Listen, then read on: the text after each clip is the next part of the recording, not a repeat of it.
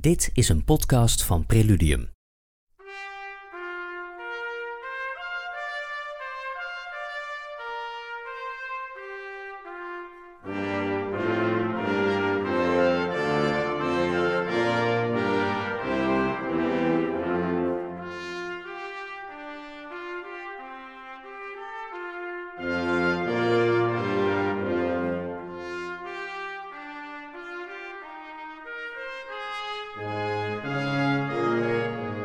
Ik ben Rahul Gandolahagen en ik neem je mee in schilderijen van de tentoonstelling van Modest Mussorgsky. Mussorgsky's Schilderijen van de tentoonstelling is een van de meest bewerkte composities ooit. Maurice Ravel's orchestratie uit 1922 kreeg wereldfaam, maar ook de 70s rock versie van Emerson, Lake en Palmer.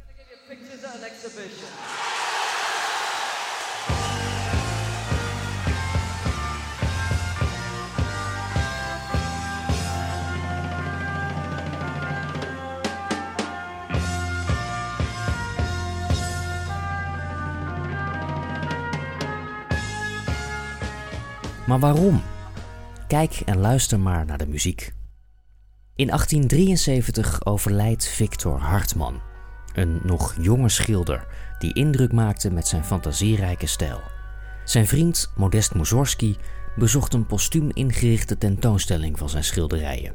En je raadt het al, kort daarop componeerde hij zijn schilderijen van een tentoonstelling.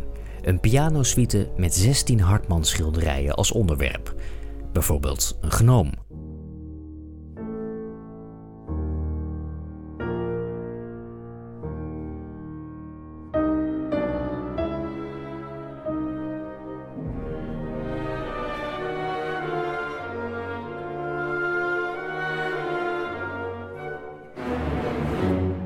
oud kasteel.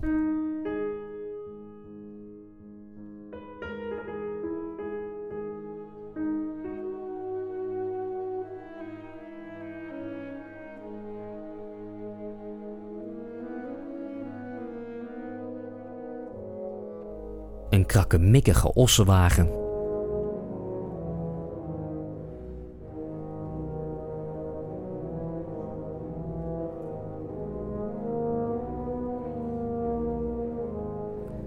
Ruziende vrouwen op een marktplein.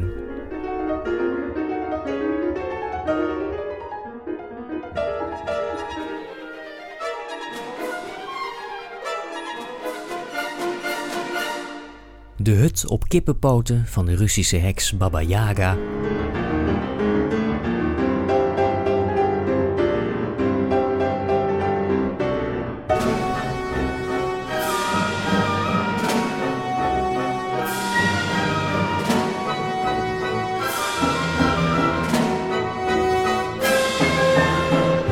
Grote poort van Kiev.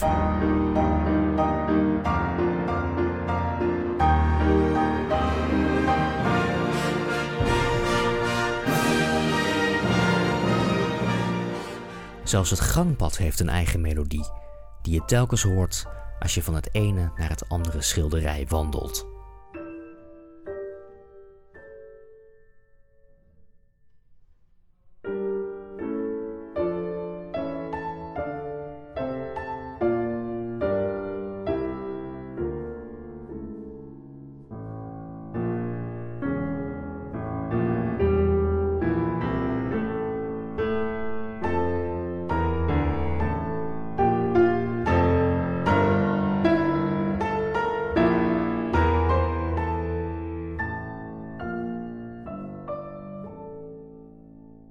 Maar de pianosuite is niet de versie die je meestal hoort in de concertzaal.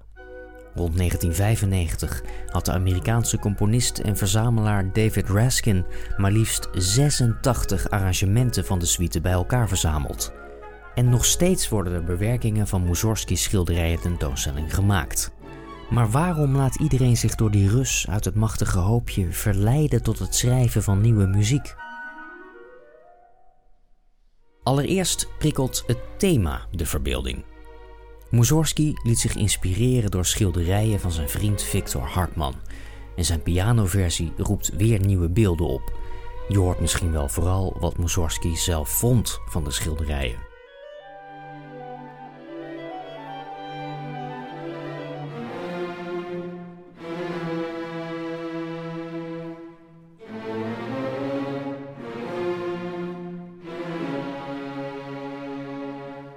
Ten tweede is Mussorgski's compositie opvallend modern. Geert van Keulen, oud-klarinetist van het Koninklijk Concertgebouworkest, noemt het soms zelfs moderner dan Prokofjev in zijn tijd was. Ook Van Keulen herschreef de schilderijen tentoonstelling. Voor blazers deed hij het. Weinig 19e-eeuwse composities zijn zo toepasbaar op het luistergedrag van nu, zegt Van Keulen.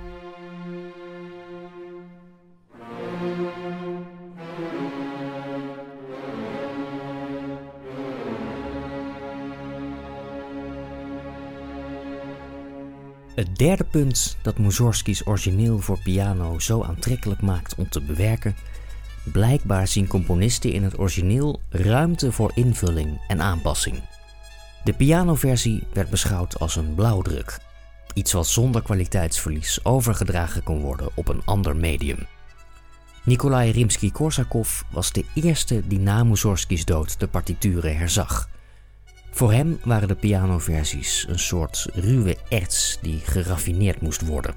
In 1891 dirigeerde hij het georchestreerde resultaat. De orchestratie die je nu het meest hoort, ook in deze podcast, is die van Maurice Ravel.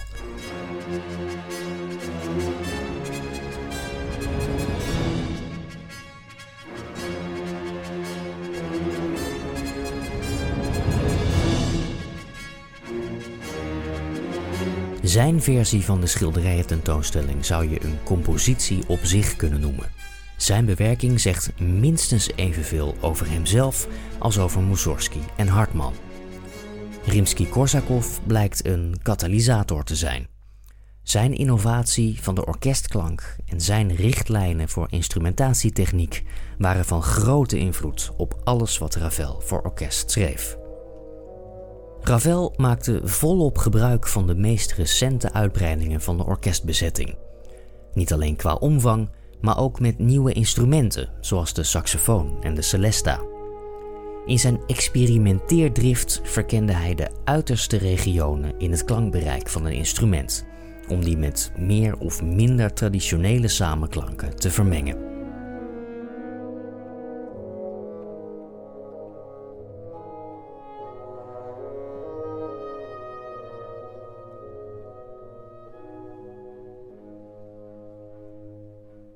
Overigens was niet iedereen onder de indruk van zulke klankacrobatiek.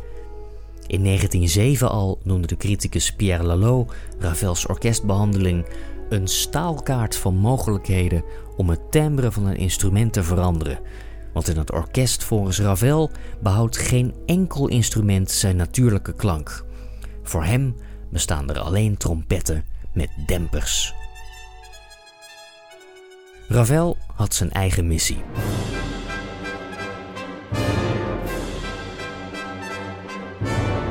Net als in zijn eigen composities werkt hij van buiten naar binnen. Voorop stond de klankrijkdom, de kleur, de diepte, het contrast, oftewel het effect.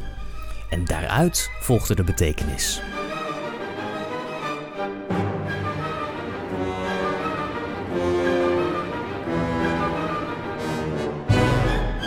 Bij Ravel zien Hartmans schilderijen er soms totaal anders uit dan bij Mussorgsky. Het duidelijkst is dat in het zevende deel, Bietlo. Mussorgsky introduceert de voortmodderende ossekar met een fortissimo.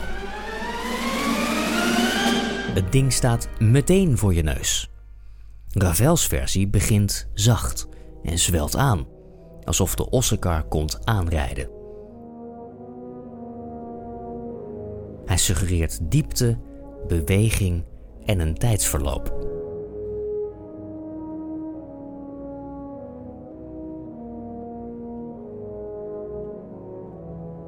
De catacomben van Parijs krijgen bij Ravel de diepte die grafkelders hebben.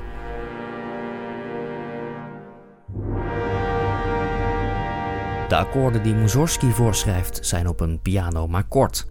Ravel laat ze met koperblazers langzaam wegsterven en benut dat diminuendo om de korte melodische passage te accentueren met een eenzame, zacht aangeblazen solotrompet.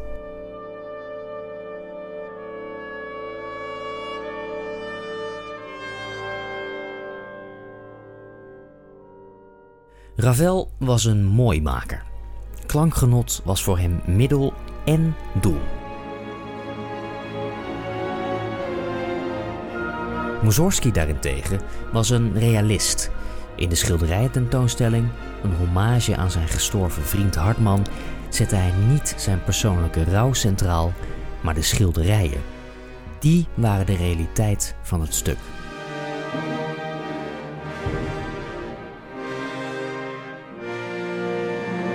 En juist daar ligt de overlapping met Ravels eigen esthetiek.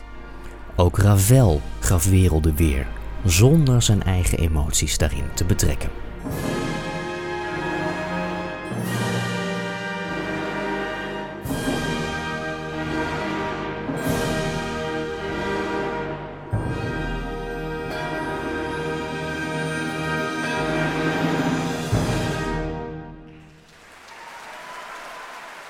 Deze podcast werd gemaakt met hulp van Preludium-auteur Michiel Klei.